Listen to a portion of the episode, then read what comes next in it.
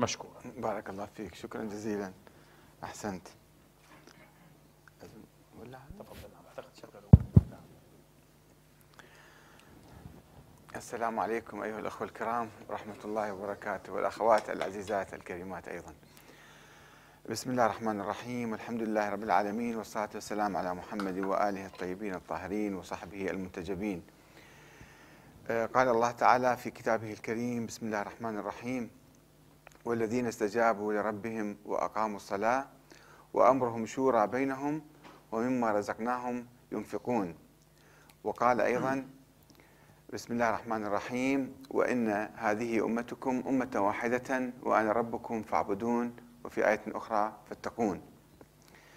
آه، هذا المسجد أيضا يسمى مسجد الشورى. وهذا الاسم هو آه، اسم عظيم وسر بناء الحضارات وغياب هذا المفهوم هو سر انهيار الأمم. يعني آه هذه الآية الكريمة آه أو الله سبحانه وتعالى ينبهنا في هذه الآية الكريمة إلى موضوع حضاري آه خطير جدا. وإحنا يكفينا أن نقرأ تاريخنا تاريخنا كمسلمين وليس تاريخ الإسلام. الإسلام ليس تاريخا الإسلام هو في القرآن الكريم. ولكننا نحن كمسلمين آه، ونرى كيف عشنا وكيف نعيش اليوم. وننظر أيضا في نفس الوقت إلى الأمم الأخرى المتقدمة في هذه الحياة ونبحث عن سر تفوقها وتقدمها. أنتم عايشين في هذا البلد. هذا البلد يعتبر في قمة البلاد الأوروبية. كما رأيته أنا الآن لاول مرة أزور النمسا وقارنته ببريطانيا فنحن في بريطانيا متخلفين جدا عن النمسا. هنا قبل مئة سنة تقريبا جاء بعض علماء الإسلام الشيخ محمد عبدو والشيخ جمال الدين الأفغاني وجالوا في هذه البلاد. وتلك الأيام كانت البلاد لا تزال في بدايتها يعني. فقالوا قولتهم المشهورة المعروفة أن رأينا الإسلام في هذه البلاد ولم نرى المسلمين. وفي بلادنا رأينا الإسلام رأينا المسلمين ولم نرى الإسلام لم نرى إسلاما يعني فقط أسماء مسلمين. هنا في هذه البلاد أنتم تشوفون العلم تشوفون الحرية تشوفون السلام تشوفون الوحدة الأوروبية. ووحدة المجتمعات المجتمعات أيضا تقريبا متحدة. وتشوفون النظام تشوفون العدالة تشوفون الغنى تشوفون القوة تشوفون العزة الكرامة. كل إنسان يجي إلى أوروبا ويعيش فيها وحتى يمر بها مرور يشوف كيف يعاملون الإنسان كإنسان. الإنسان يشعر بكرامته بحريته. إنسان عزيز يشعر بإنسانيته. بينما روحوا إلى بلادنا. دعونا من التاريخ روحوا الآن إلى معظم البلاد العربية والإسلامية. شوفون الفقر شوفون الجهل شوفون التخلف شوفون الفوضى شوفون الرشوة الفساد الحروب الحقد الكراهية البغضاء الاستبداد الدكتاتورية الطغيان القتل القتل المجاني في تلك البلاد. الإنسان لا يشعر بأنه إنسان. وإذا شعر نفسه إنسان فهو إنسان عبد أو مستعبد. فعلا يعني ناس يعيشون مرحلة العبودية أو حالة العبودية. لا يستطيعون أن يفعلوا أي شيء لا يستطيعون أن يفكروا بأي شيء لا يستطيعون أن يقوموا بأي عمل. دائما يخافون من الرقيب ومن المخابرات ومن أجهزة الشرطة ومن البوليس. وفي حالة رعب وبالتالي بلاد متخلفة وتسير نحو مزيد من التخلف ونحو مزيد من الانحطاط. إحنا كمسلمين ونعيش في هذه البلاد لا يكفي أن نعيش في هذه البلاد ونتمتع بخيراتها. يجب أن نفكر نفكر لماذا تقدمت هذه البلاد؟ ولماذا تأخر المسلمون؟ وهذا أيضا سؤال طرحه آه، شكيب أرسلان أعتقد في كتاب قبل حوالي أيضا 100 سنة. لماذا تأخر المسلمون وتقدم غيرهم؟ كانت هناك محاولات عديدة للإجابة على هذا السؤال. أولا الشعور بالتخلف. كثير من المسلمين في بلادنا من العرب والمسلمين لا يشعرون بأنهم متخلفون. آه، لا. لا يعرفون الوجه الآخر للحياة أو الصور الأخرى للحياة. وبالتالي هم قانعون بما هم عايشين فيه والحمد لله رب العالمين ويشكرون الحكام ويشكرون الطغاة. إنما الشعور بالتخلف آه، آه، ومحاولة البحث عن حلول وأجوبة وعمل. طبعا كثير من الناس قدموا مقترحات عديدة وكثير من الناس أيضا قالوا بأن سر تخلفنا هو الهيمنة الاستعمارية علينا. الاستعمار الذي سيطر علينا من 100 سنة 200 سنة في بعض البلاد أقل أكثر. هذه هذا الاستعمار حطمنا وخل ودمرنا وهيمن علينا ولا يزال يمنعنا من التقدم. لا يزال يمنعنا من الوحدة من التقدم الصناعي من التقدم العلمي. يمنع علينا كثيرا من أبواب العلم يسد علينا الأبواب آه، ويتدخل في شؤوننا ويبث الخلافات بيننا. هذا صحيح بنسبة معينة. بنسبة معينة ربما نقول أنه لا شك هناك قوى معادية للمسلمين أو للعرب تحاول أن آه، تكرس عناصر التخلف والانحطاط في هذه الأمة. ولكن إحنا تخلفنا وانحطاطنا ما بدأ من عهد الاستعمار وإنما هذا التخلف والانحطاط ضارب من مئات السنين. وإذا رجعنا إلى تجربة الصحابة رضي الله عنهم الصحابة بعد 25 سنة من وفاة الرسول صلى الله عليه وسلم يدخلون في فتنة كبرى ويقتتلون ويقتل بعضهم بعضا ويتفرقون شيعا. وهذيك الفتنة استمرت إلى اليوم. الفتنة لم تنتهي. لم تنتهي حتى بسيطرة نظام معين أو عائلة معينة لمئات السنين لأنهم كانوا يخلقون الفتنة دائما. يعني الحاكم الذي يمسك الأمور بقبضة من حديد ويهيمن على الشعب. سوف يخلق معارضة يخلق فتنة فهو إذا يخلق الفتنة المستمرة التي ستنفجر فيه مستقبلا.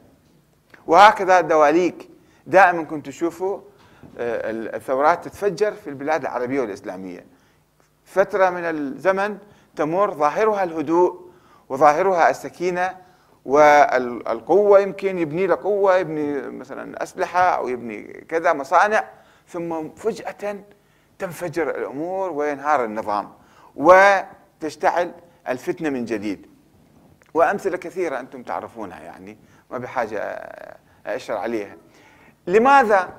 لماذا وجدت الفتنة بين الصحابة؟ وهم كانوا في قمة الإيمان وقمة التقوى. يعني بصورة عامة أتكلم. لماذا يضطرون إلى إلى الاقتتال فيما بينهم؟ لماذا يقتلون عثمان؟ الصحابة يقتلون عثمان. لماذا يقتلوه؟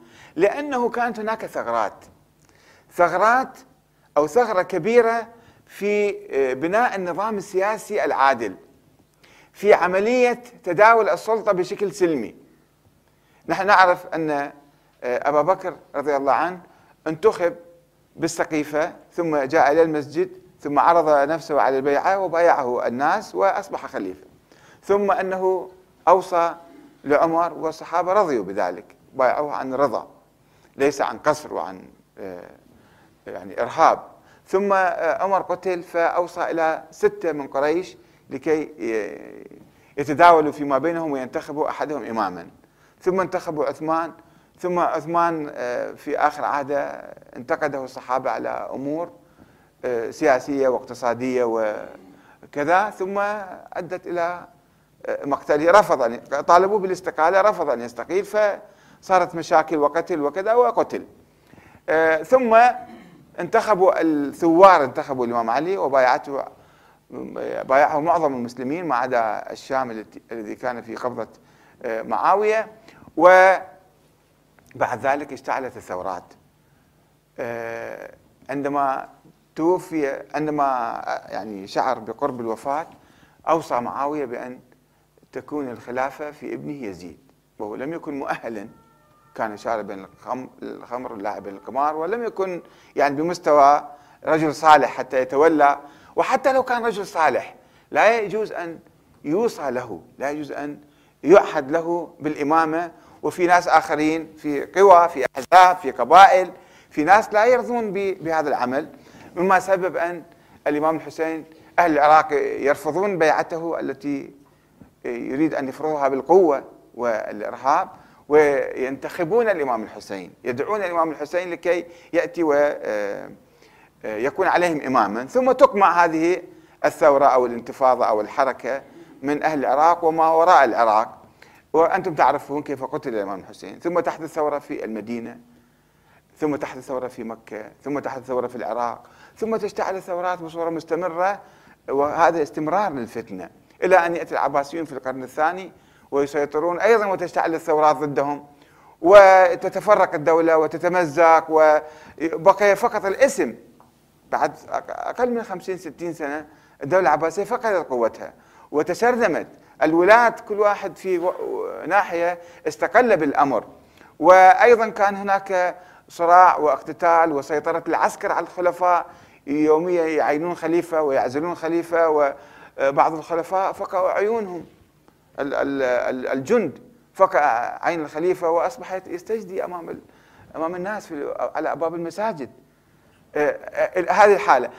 هذه الصور كلها وصراعات القوميات المختلفة العرب والفرس والأتراك والبربر وغير القوميات المختلفة التي كانت تتصارع على السلطة في ظل الخلافة الإسلامية.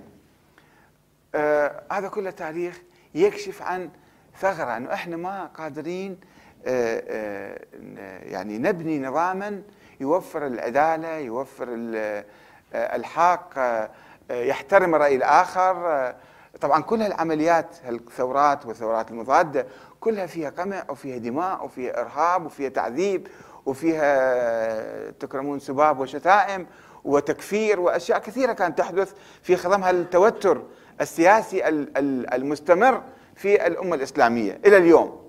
إلى اليوم نحن نرى كيف عملية الثورة يصاحبها كثير من أعمال الشغب وال والتفرقة والفتنة والقتل والتعذيب وما إلى ذلك. فنلاحظ غياب الشورى. غياب الشورى في عند المسلمين هاي الآية مهملة تماما وأمرهم شورى بينهم أبدا. أمرهم ليس شورى بينهم. يعني فيما بعد الفترة الأولى. فهذا غياب الشورى أدى إلى نشوء الاستبداد والاستبداد هو منبع الفساد منبع الظلم ولا يوجد مستبد عادل. لا يوجد مستبد عادل ابدا لأن المستبد من طبيعته أن يظلم ولا بد له أن يظلم لأنه يريد أن يستعين بحزب وزبانية وشرطة وهؤلاء يجب أن يعطيهم أموال فيجب أن يأخذ أموال ظلما من الناس. وأن يعطيها إلى أعوانه وأنصاره وهؤلاء يرتشون يقتلون يذبحون يفعلون ما يشاءون هو يسكت عليهم. لا يحاسبهم لأنه لو بدأ يحاسب جماعته سوف يثورون عليه. فإذا يطلق يدهم في نهب الثروات ونهب الأمم ونهب الخيرات والفساد آه، آه، آه، في الأرض. فهناك يعني دوائر متتالية ومستمرة في التخلف والانحطاط. كل ما نتحارب كل ما يعني نختلف بصورة عنيفة كل ما ننحط ثرواتنا طاقاتنا جهودنا شبابنا آه، كل جهودنا الفكرية كلها تنصب في هذه المعارك العبثية. المعارك العبثية المستمرة وبالتالي نزداد فقرا نزداد تخلفا أمية جهلا تفرقة كراهية عداوة بغضاء. وحتى هذا الصراع الموجود اللي ورثناه من آبائنا وأجدادنا. الصراع السني الشيعي مثلا. هو مظهر من مظاهر الدكتاتورية. لو كان في ديمقراطية كان وفي شورى فخلي واحد يعتقد ما يشاء. وأنا أعتقد ما شاء. وأنا أحترمك وأنت تحترمني. ونتعايش مع بعض. ويعني أعطيك إذا الأمة انتخبتك إلك أنا أعطيك أنت الحق تحكم وإذا الأمة انتخبتني إلي فأنت تخضع لي وتتعاون معايا ويعني تحترمني. فهذا ما موجود هذا المنطق ما موجود. إحنا سمعنا بعض العلماء الأفاضل في الفترة الأخيرة آه، يعني في السنوات الأخيرة آه، هم يؤمنون بالديمقراطية. يقولون نؤمن بالديمقراطية ويدعون للديمقراطية ولكن يقولون لا. لا نسمح لأحد من الشيعة أن يدعو آه، في البلاد السنية. ولا نسمح لأحد من السنة أن يدعو في البلاد الشيعية. المذهبي. لماذا؟ إذا كانت هي حرية وديمقراطية فلنسمح للجميع أن يعبروا عن أفكارهم. ومن أنت حتى لا تسمح؟ أنت في أي عصر تعيش حتى لا تسمح بهذه الحرية. الآن في فضائيات وفي إنترنت وفي فيسبوك وفي كل شيء. والناس منفتحين على بعضهم ويقرؤون أفكار بعضهم ويتأثرون أو يردون تلك الأفكار الخاطئة. ف ولكن هذا التعصب محاولة الحفاظ على هوية طائفية في هذا البلد أو ذاك البلد هذه من مظاهر الدكتاتورية ومظاهر العنف وعدم احترام الرأي الآخر. وأيضا يعني إحنا شفنا الثقافات اللي بنيت على آه، في ظل الدكتاتورية لما قامت هاي أنظمة دكتاتورية منذ عهد الأمويين آه، الذين اغتصبوا السلطة بالقوة والعنف والقتال آه، كونوا ثقافة باسم الدين ثقافة باسم الإسلام أنه يجب أحاديث مزورة على لسان الرسول صلى الله عليه وسلم عليه أنه الحاكم لو ضربك وظلمك وأخذ مالك وجلد ظهرك وفعل ما فعل فأنت يجب أن تطيع هذا الحاكم وتخنع له وتسكت له وتواليه. هذه ثقافة سلبية هي خدرت الأمة طول التاريخ. اللي عرفت باسم الثقافة السنية وهي ليست من سنة الرسول صلوات الله وسلامه عليه. ثقافة مزورة دخيله لعبت دور وتلعب حتى الآن في بعض البلاد تلعب حتى الآن دورا سلبيا في تخدير الأمة وفي آه، تعزيز الاستبداد والدكتاتورية والطغيان. فهذه ثقافة موجودة. في مقابلها أيضا نشأت ثقافة عند سلبية عند المعارضة. الشيعة في العهد الأموي وفي العهد العباسي كانوا آه، يعني رافعين شعار الثورة وشعار الإصلاح. والإمام الحسين يقول إنما خرجت لطلب الإصلاح في أمة جدي. ولكن بعد الحسين عليه السلام بعض بعض الشيعة من المتطرفين أو من الغلاة أو من المتحمسين زايد بدأوا يرفعون من شأن الأئمة من شأن أئمة البيت. يرفعون شأنهم وأضفوا عليهم طابعا دينيا. قالوا أن هؤلاء الأئمة معصومون هؤلاء الأئمة لا يخطئون هؤلاء الأئمة مثلا معينين من قبل الله. واسمائهم بالتوالي واحد يوصل الآخر ومن الله جاي التعيين لهم واضفوا عليهم هالة مقدسة. طبعا ليس كل الشيعة كان يؤمنون بهذا الفكرة. عامة الشيعة ما كانوا يؤمنون بهذا الفكرة. كانوا يؤمنون هؤلاء علماء أبرار. أن الأئمة من أهل البيت علماء أبرار ومجاهدون وثوار ويطالبون بالعدالة وبالحق وبتطبيق الشريعة فكانوا يتبعونهم. ولكن بعض آه، هؤلاء الذين يعني اندسوا في صفوف الشيعة أو كانوا هم من الشيعة آه، غالوا بالأئمة واضفوا عليهم لباسا دينيا ثوبا دينيا وأصبحوا يعتقدون آه، بهم كعقيدة. وكما أشار فضيلة الأستاذ آه، الشيخ عدنان إلى أنه بعضهم قال أن الإمامة أصل من أصول الدين. ومن لا يؤمن بالإمامة أو لا يؤمن بالأئمة أو لا يتبعهم هذا إيمانه في شك أو دينه في خلل أو أو كذا يعني يصبح منحرف. هذا فئة متطرفة طبعا هذا الفكر بعد مئة سنة وصل إلى طريق المسدود. نشأ في أواسط القرن الثاني الهجري أواسط القرن الثالث الهجري وفاة الإمام الحسن العسكري. آه، آه، توفى وقال ما عندي أولاد وخلص كثير من الشيعة قالوا خلص اذا هاي كان الغلاة والمتطرفين وهؤلاء الذين كانوا يعتقدون بأن الإمامة تستمر في هذه الذرية بالوراثة. إلى يوم القيامة. طيب الحكام الظلمة والطواغيت الامويين والعباسيين جعلوها وراثية كسروية قيصرية وراثية، فلماذا أنتم تجعلون الامامه وراثية؟ لا تكون الامامه وراثية.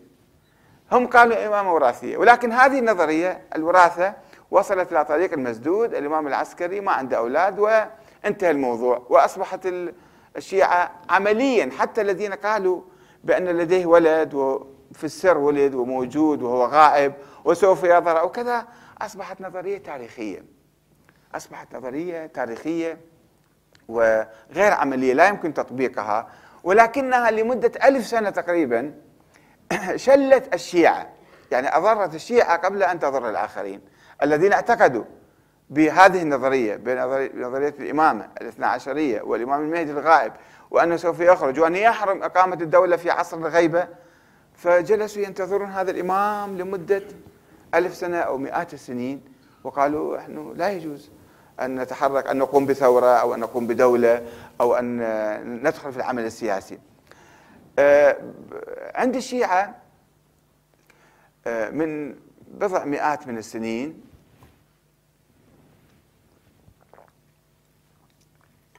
عفوا آه، حدثت بدايات ثورة إرهاصات ثورة. بدأ الناس يعني من فضل الله تعالى أن الشيعة كان عندهم باب الاجتهاد مفتوح. لم يغلقوا باب الاجتهاد. عندما فتحوا باب الاجتهاد بالقرن الخامس الهجري فبدأ الاجتهاد مفتوح. فخطوة فخطوة خطوة فخطوة عالم بعد عالم بدأوا يفتحون باب الاجتهاد. وكانوا داخلين في نفق يعني نفق هذا نفق الانتظار إنه لا يجوز العمل لا يجوز الثورة لا يجوز التحرك إلا مع إمام معصوم. قالوا لا يعني هذا كلام غير معقول وغير آه، مقبول. فبدأوا يحفرون هذا النفق. يحفرون هذا النفق حتى قالوا بنظرية ولاية الفقيه. أن الفقيه هو يقوم بمقام الإمام. سمى بعضهم قائم مقام الإمام سمى بعضهم نائب الإمام سمى بعضهم الولي الفقيه سمى بعضهم القائد أو المرشد أو أي اسم آخر. فنظرية ولاية الفقيه هي في الحقيقة ثورة كانت على الفكر الإمامي السلبي اللي كان مخدر ومحنط ومجمد للشيعه طوال مئات السنين. فعندما آمنوا بهذا الفكر تفجرت الثورة في إيران. تفجرت الثورة في إيران وقامت الجمهورية الإسلامية وبدأ الشيعة ينشطون. طبعا كانت هناك نشاطات أخرى موجودة هنا وهناك قبل حتى قبل الثورة. ولكن هذا الفكر الحيوي أحيا الشيعة. احيا الشيعه ولكن آه، الآن هم تيارات عديدة ونظريات آه، عديدة حتى في نظرية ولاية الفقيه. هناك نظريات عديدة أنها من أين تستمد شرعيتها؟ من الله أو من الإمام المهدي الغائب؟ أو تستمد شرعيتها الدستورية من آه، الشعب من الأمة؟ يصبح الفقيه هو نائب الإمام. هناك من يرى هكذا وهناك من يرى هكذا. الدستور الإيراني يقول لا. الإمام أو المرشد أو القائد ينتخب من الأمة. آه، رئيس الجمهورية ينتخب من الأمة مجلس البرلمان أو الشورى ينتخب من الأمة.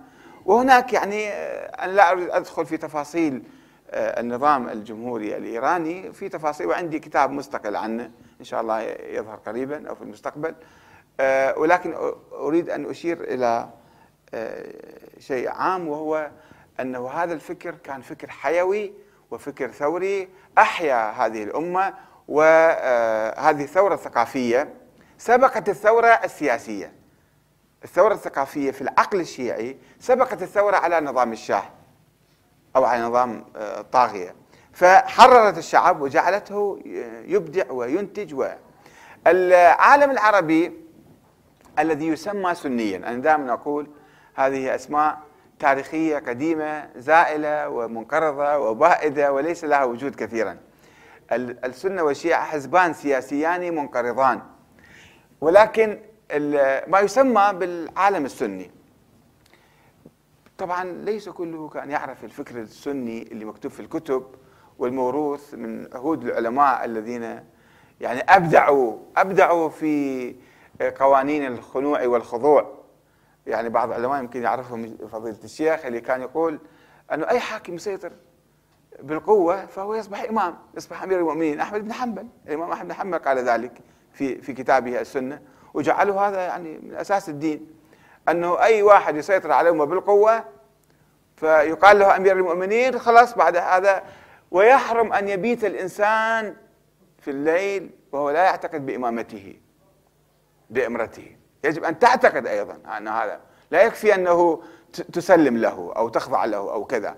وجاء بعض العلماء الآخرون قالوا إذا واحد قام بانقلاب على شخص معين فذاك سقطت إمارته وهذا يجب أن يصبح يطاع. وإذا واحد آخر اجى وأقام بانقلاب عليه أيضا هذا سقطت إمارته وهذا يجب أن يطاع. وهكذا لذلك شاهدنا في عهود المماليك انقلابات متتالية. كل سنة كل ستة أشهر فرد انقلاب على آخر والعلماء أيضا يباركون هؤلاء الحكام والسلاطين. إلا ما ندر إلا ما ندر من العلماء آه، السنة اللي كانوا يرفضون أو يقولون بالشورى أو جدا قليل يعني. ولكن الشعوب العربية الآن يعني من 100 سنة تقريبا من أيام الخلافة العثمانية آه، بدأوا المفكرين والعلماء ورواد النهضة الإسلامية يدعون إلى الشورى. وحتى في عهد الخلافة البرلمان التركي دعوا إلى انتخابات كما تعرفون في 1906 1908 جرت انتخابات في الدولة العثمانية وانعقد مجلس برلمان مبعوثان كان يسموه ونظروا إلى إلى الديمقراطية. نظروا إلى الخلافة نظروا إلى الخلافة الديمقراطية يعني الخلافة في ظل الديمقراطية. ولكن المشكلة أنه بعض الكثير من الإسلاميين أو الحركات الإسلامية أو المفكرين كانوا يعتقدون ولا يزالون بعضهم آه، مثل قاده حزب التحرير أو بعض بعض الأحزاب الأخرى القاعدة أو غير القاعدة يعتقدون أن الديمقراطية محرمة وحرام وشرك وكفر بالله الديمقراطيه، لماذا يا إخوان؟ يقول هذا نتاج غربي. الديمقراطية نتاج الغرب. ونحن لم نعرف الديمقراطية. نعرف نظام الخلافة فقط والنظام الخلافة هو النظام الأصيل وأساس الدين وركن الأهم في الدين. هكذا يقولون. آه، نقول لهم تعالوا نبحث هاي المسألة هاي العقدة التي آه، تقف عند بعض الناس وتبرر لهم استخدام العنف في الاستيلاء على السلطة أو تبرر لهم استخدام صناديق الاقتراع كطريق للوصول إلى السلطة ثم ركل هذه الصناديق ثم تكسير هذه الصناديق للمرة الأخيرة. بعضهم يفكر هكذا أن نستخدم هذه الديمقراطية أو صناديق الاقتراع لكي نصل إلى السلطة. لماذا لا؟ ولكن هنا هنا المسألة المهمة التي يجب أن نتوقف عندها. أن الديمقراطية يقولون الدين الإسلامي دين شامل وهو ليس بحاجة أن يأخذ شيئا من الغرب أو الشرق ولا يجوز. وإذا دخلنا في واحد كاتب اسمه أبو محمد المقدسي. عنده كتب على الإنترنت موجودة يمكن تعرفوها أو تشوفوها. هذا عنده كتب الديمقراطية دين. واللي يأخذ الديمقراطية كأنه أخذ المسيحية مع الإسلام. هل يجوز الجمع بين الإسلام والمسيحية؟ كفر هذا دين جديد يطلع. فاذا لا يجوز أخذ بالديمقراطية ولا بالانتخابات ولا بأي شيء. وينظر كتب كثيرة ينظر لهذه المسألة وأتباعه عندما بدأت الديمقراطية في العراق أو انتخابات بدأوا يفجرون الناس الذين يقفون في في الاقتراع. يقصفونهم بقنابل ال mortar الهاون ويضربونهم وحرام وأي واحد يروح للانتخابات فهذا كافر ودمه حلال. بعض العلماء من السنة قبل الشيعة دعوا للانتخابات. راحوا قتلوهم في المسجد. لماذا تدعو للانتخابات أنت والديمقراطية؟ إذا أنت كافر فدمك حلال وأنا قتلك. وفجروا هو والمصلين. ليس واحد واحد يقتلوه. هو مع المصلين الذين يصلون خلفه. فهذه العقدة نتوقف عندها قليلا. أنه الإسلام دين متكامل. ولكن نأتي بالقرآن ونقرأ القرآن لنرى ما هو الإسلام وما هو هذا الدين. الدين يتألف من عقيدة. العقيدة هي الإيمان بالله الواحد الأحد. الإيمان بالآخرة. الإيمان بالنبوة والأنبياء. وبنبوة خاتم الأنبياء محمد صلى الله عليه وسلم وبفروع الدين العبادات الصلاة الصوم الحاج الزكاة وبالقيم الأخلاقية بالصدق بالإحسان بالوفاء بالأمانة بكذا وبأحكام معينة قوانين أخرى موجودة عندنا في الاقتصاد في الإرث في العائلة في الطلاق الزواج وما شابه.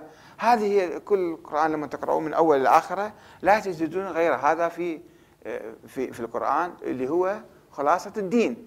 هل يوجد في الدين نظام دستوري؟ هل يوجد في القرآن نظام دستوري؟ لا يوجد نظام دستوري. لماذا؟ هل هذه نقيصة في القرآن الكريم؟ هل هذه نقيصة في الإسلام؟ لا ليست نقيصة. إنما الدستور يضعه الناس والله سبحانه وتعالى أوكل هذه العملية للناس للأمم عبر التاريخ عبر الزمان والمكان. أنتم يا ناس في أي مجتمع في أي بلد أنتم اتفقوا في فيما بينكم على تطبيق آية الشورى. وضع لكم مبدأ وأمرهم شورى بينهم. هذا هو المبدأ مبدأ الديمقراطية ومبدأ الشورى. وعليكم أنتم أن تتفقوا وتتفاهموا وتوقعوا عقودا فيما بينكم. الدستور هو عقد سياسي عقد اجتماعي بين الناس وبين الحكام. كيف نحكم؟ كم سنة نحكم؟ كيف آه، ننزل عن الحكم؟ ما هي علاقة الحاكم بالمحكومين؟ على أساس العدل والمساواة. هذه قيم الإسلام. على أساس قيم الإسلام يأتي الحاكم بصورة سلمية عبر صناديق الاقتراع. فإذا الدستور بالتفصيل بالضمن موجود في الإسلام. ولكن بالتفصيل بالتفصيل الواسع يعني آه، آه، تجنب القرآن الكريم. وما بين التفاصيل هذه لأنه ظروف الصحراء قبل 1400 سنة وما في اتصالات. كيف يمكن أن تنتخب حاكم وتروح أنت مثلا في المدينة وأهل اليمن أو أهل عمان أو أهل مثل البحرين بعد أسبوعين ثلاثة شهر يلا يوصل لهم الخبر؟ كيف يمكن تدير العملية السياسية؟ فالدستور هو ابن الظروف أيضا ابن الظروف الاقتصادية والمواصلات ونضج الناس والعصبية القبلية مثلا إذا موجودة كيف يكون كذا يعني كل بلد كل بلد في ظروفه في آه، زمانه في مكانه يضع دستورا معينا. إذا فالديمقراطية هي تجربة إنسانية الغرب سبقنا إليها. لازم نعترف. وما نخجل. إحنا كمسلمين لسنا يعني أفضل العالم. الإسلام هو أفضل الأديان. ولكننا كمسلمين قد نكون جهلة قد نكون متخلفين قد نكون متعصبين قد نكون فاسقين قد نكون منحرفين قد نكون بعيدين عن الإسلام. ولكن إذا شفنا تجربة إنسانية اجى هذا الغرب طور العلاقة بين الحاكم والمحكوم وقال إن الشعب مصدر السلطة.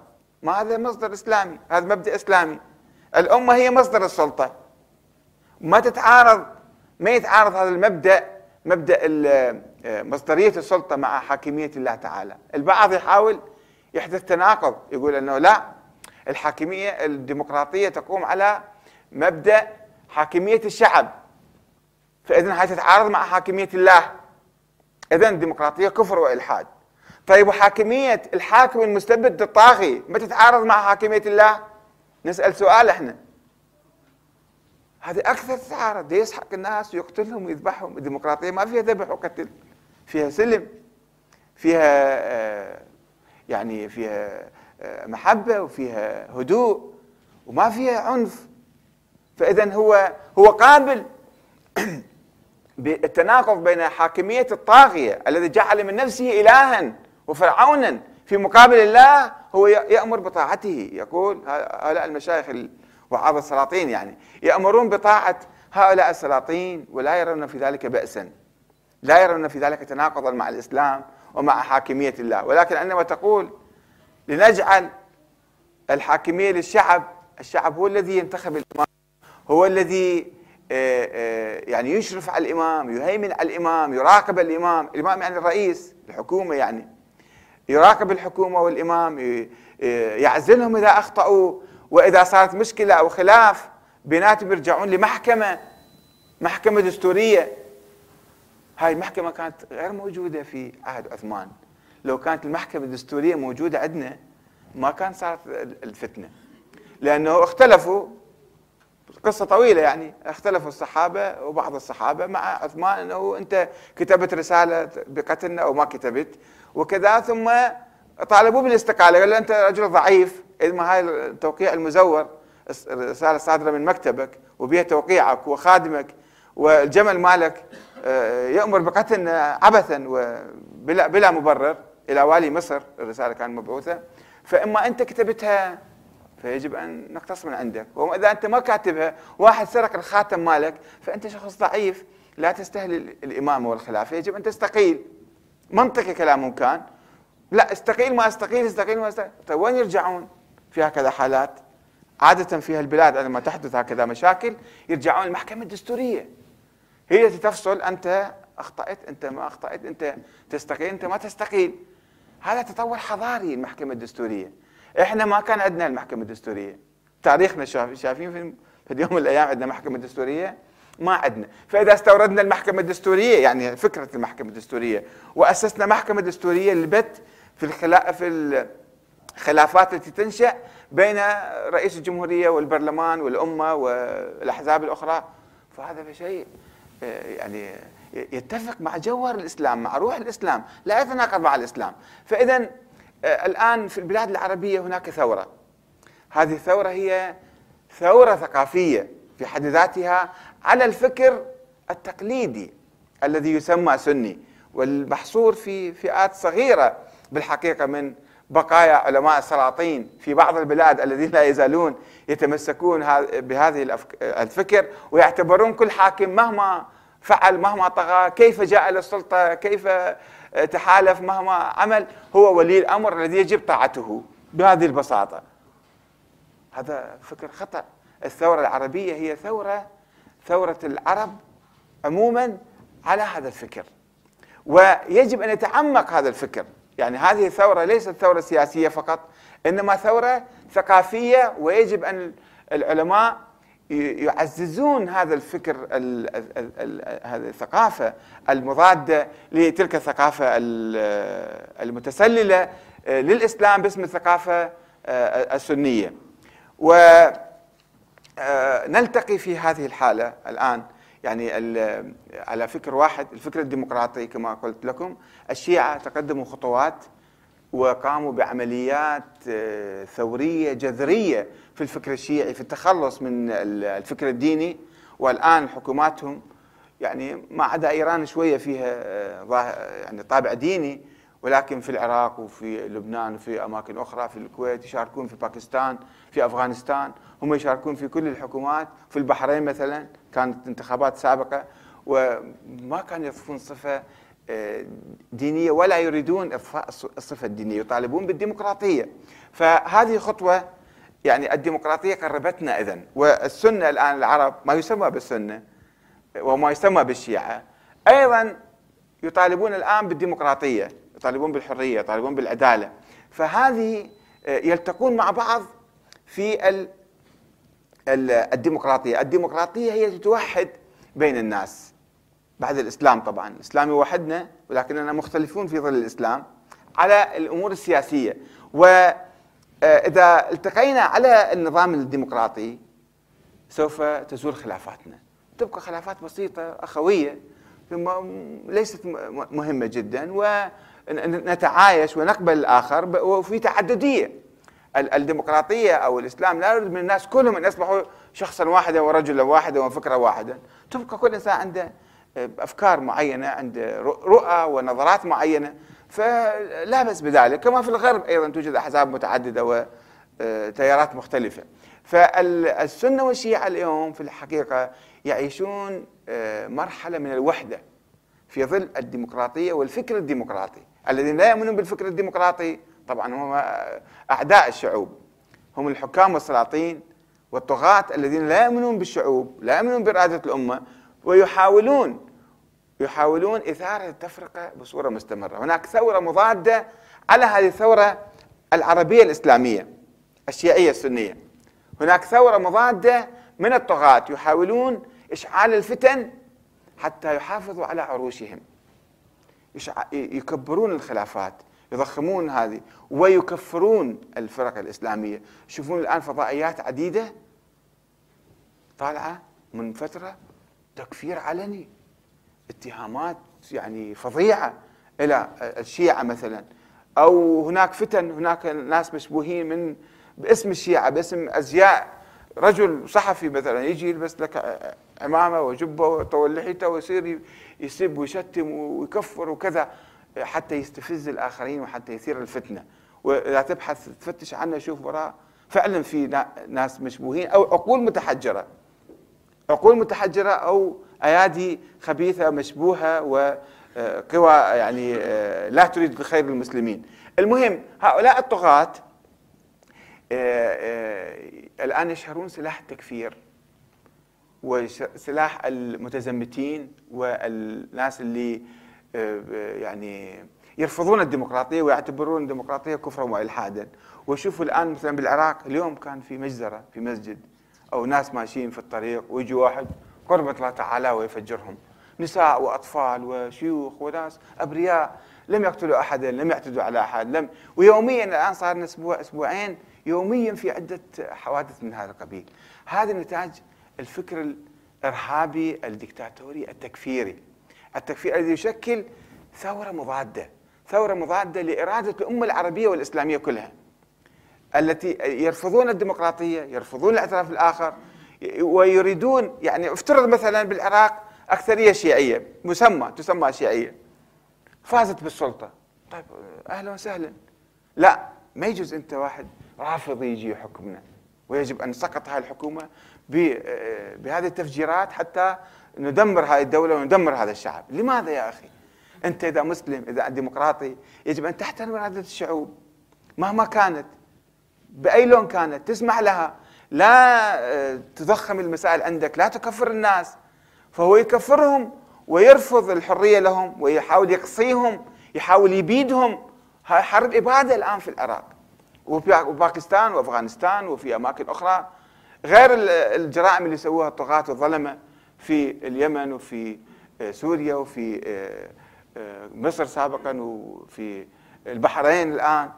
فهؤلاء الطغاة يثيرون النزعة الطائفية حتى يخدعوا فريقا من الأمة بأن المعركة طائفية المعركة ليست ديمقراطية ليست بين الشعوب وبين الحكام إنها بين الشيعة والسنة. فتعالوا يا سنة أصبحوا معنا تعالوا يا شيعة أصبحوا معنا مثلا لكي نواجه الشعب. هذا خطأ. المعركة ليست بين الشيعة والسنة. الحمد لله الجميع التيار العام العربي الإسلامي يلتقي مع بعضه ويؤازر بعضه بعضا ويتألم لآلام آه، أخوته من البلاد الأخرى. وهو في كتلة واحدة هي الكتلة الإسلامية الديمقراطية. في مقابل الكتلة الدكتاتورية الطائفية. فالدكتاتورية تستخدم الطائفية أداة في تفريق الشعوب وفي إثارة الفتنة وفي تكفيرهم وفي إقصائهم وتحاول أن تدمر الأمة الإسلامية وتبقي على حالة التخلف إلى أبد الآبدين. ولكن إن شاء الله نأمل أن إرادة هذه الأمة وإرادة العلماء الأفاضل تنتصر بتعزيز الوحدة الإسلامية وأن هذه أمتكم وأن هذه أمتكم أمة أمتكم أمة واحدة وأنا ربكم فاعبدون وأنا ربكم فاتقون. فتعزيز الوحدة تعزيز الديمقراطية الحرية الاعتراف بالآخر التعايش السلمي المحبة والانصراف لبناء الأمة علميا اقتصاديا صناعيا زراعيا. إحنا الآن نعيش يعني بعض البلاد العربية عندها ما شاء الله من الأموال ومن كذا ولكن آه، متخلفة ما يشرب ما عندهم أكل ما عندهم. آه، يعني شوارع تليفون آه، كهرباء كذا كل شيء متخلفين فيها. لماذا؟ لأننا مبتلين مبتلين بفتن وبحروب وبمشاكل وبطواغيت. لا يسمحون لنا أن أن نترقى. يعني إحنا شفنا في بعض البلاد العربية أيضا عماراتنا تحت السحاب. وتروحون إلى أبو ظبي أو دبي يشوفون شلون بناء شاهق يمكن أكثر من من فيينا في بناياتهم وفي تبهر هذا. ولكن أربع خمس أساتذة بعثوا رسالة إلى آه، رئيس الدولة يطالبونه ببعض الانتخابات في مجلس الشورى أو كذا. فأسقط عنهم الجنسية. أسقط عنهم الجنسية. أصلا أنتم بعد مو إماراتيين. روحوا ابحثوا لكم عن دولة أخرى عيشوا فيها. هؤلاء لا يستطيعون أن يذهبوا إلى الطبيب. لا لا يستطيعون أن يرسلوا أولادهم إلى المدارس. لا يستطيعون أن يدبروا حياتهم. لا يستطيع أن يفتح محل حتى يشتغل. مرة واحدة أسقط عنا كل الحقوق الإنسانية. إسقاط الجنسية يعني إسقاط كل الحقوق اللي موجودة. وإرعاب للآخرين. ديروا بالكم أن تفتحوا فمكم مرة ثانية وتطالبوا بالحرية. ما ماذا تنفع ناطحات السحاب في شعب من العبيد أو شعب مستعبد؟ أو شعب لا يستطيع أن يتمتع بالحرية مالته. الحرية أساس الإنسان. الإنسان ما عنده حرية يعني هذا مو إنسان. فإحنا نريد امارات نريد ناطحات سحاب نريد صناعة متقدمة ولكن في نفس الوقت نريد حرية نريد كرامة نريد عزة نريد وحدة. فمن دون بناء أنظمة شعبية منتخبة من الشعب تحترم إرادة الشعب تحترم تنوع الشعب وتعدد الشعب والأحزاب المختلفة فيه الطوائف المختلفة فيه. ما يمكن نعيد بناء الأمة الإسلامية من جديد وسنبقى متخلفين إلى ما شاء الله. نأمل من الله تعالى أن يوفقنا لبث هذا الفكر الجديد والفكر موجود إلى تعزيزه أكثر وإلى آه، محاربة هؤلاء الطغاة المستبدين الدكتاتوريين الدمويين الطائفيين في نفس الوقت. آه، وصلى الله على محمد وآله الطيبين الطاهرين. والسلام عليكم ورحمة الله. شكر الله لفضيلة أستاذنا الشيخ أحمد الكاتب على هذه المحاضرة الماتعة ونفع الله بها